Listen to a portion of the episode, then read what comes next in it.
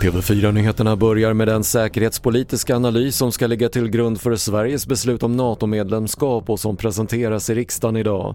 TV4-nyheterna har tagit del av ett utkast och rapporten argumenterar starkt för ett NATO-medlemskap trots att den pekar på flera risker av hur Ryssland kan komma att agera.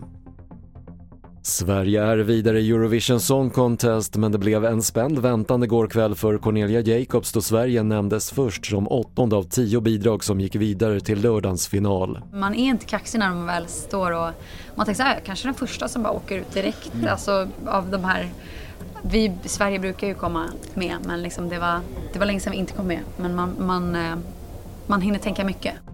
Och vi avslutar med sport för Färjestad är svenska mästare i ishockey efter 3-0-seger bort över Luleå i den sjunde avgörande finalen igår kväll. Och SM-guldet är Färjestads tionde genom tiderna. Fler nyheter hittar du på TV4.se. Jag heter Patrik Lindström.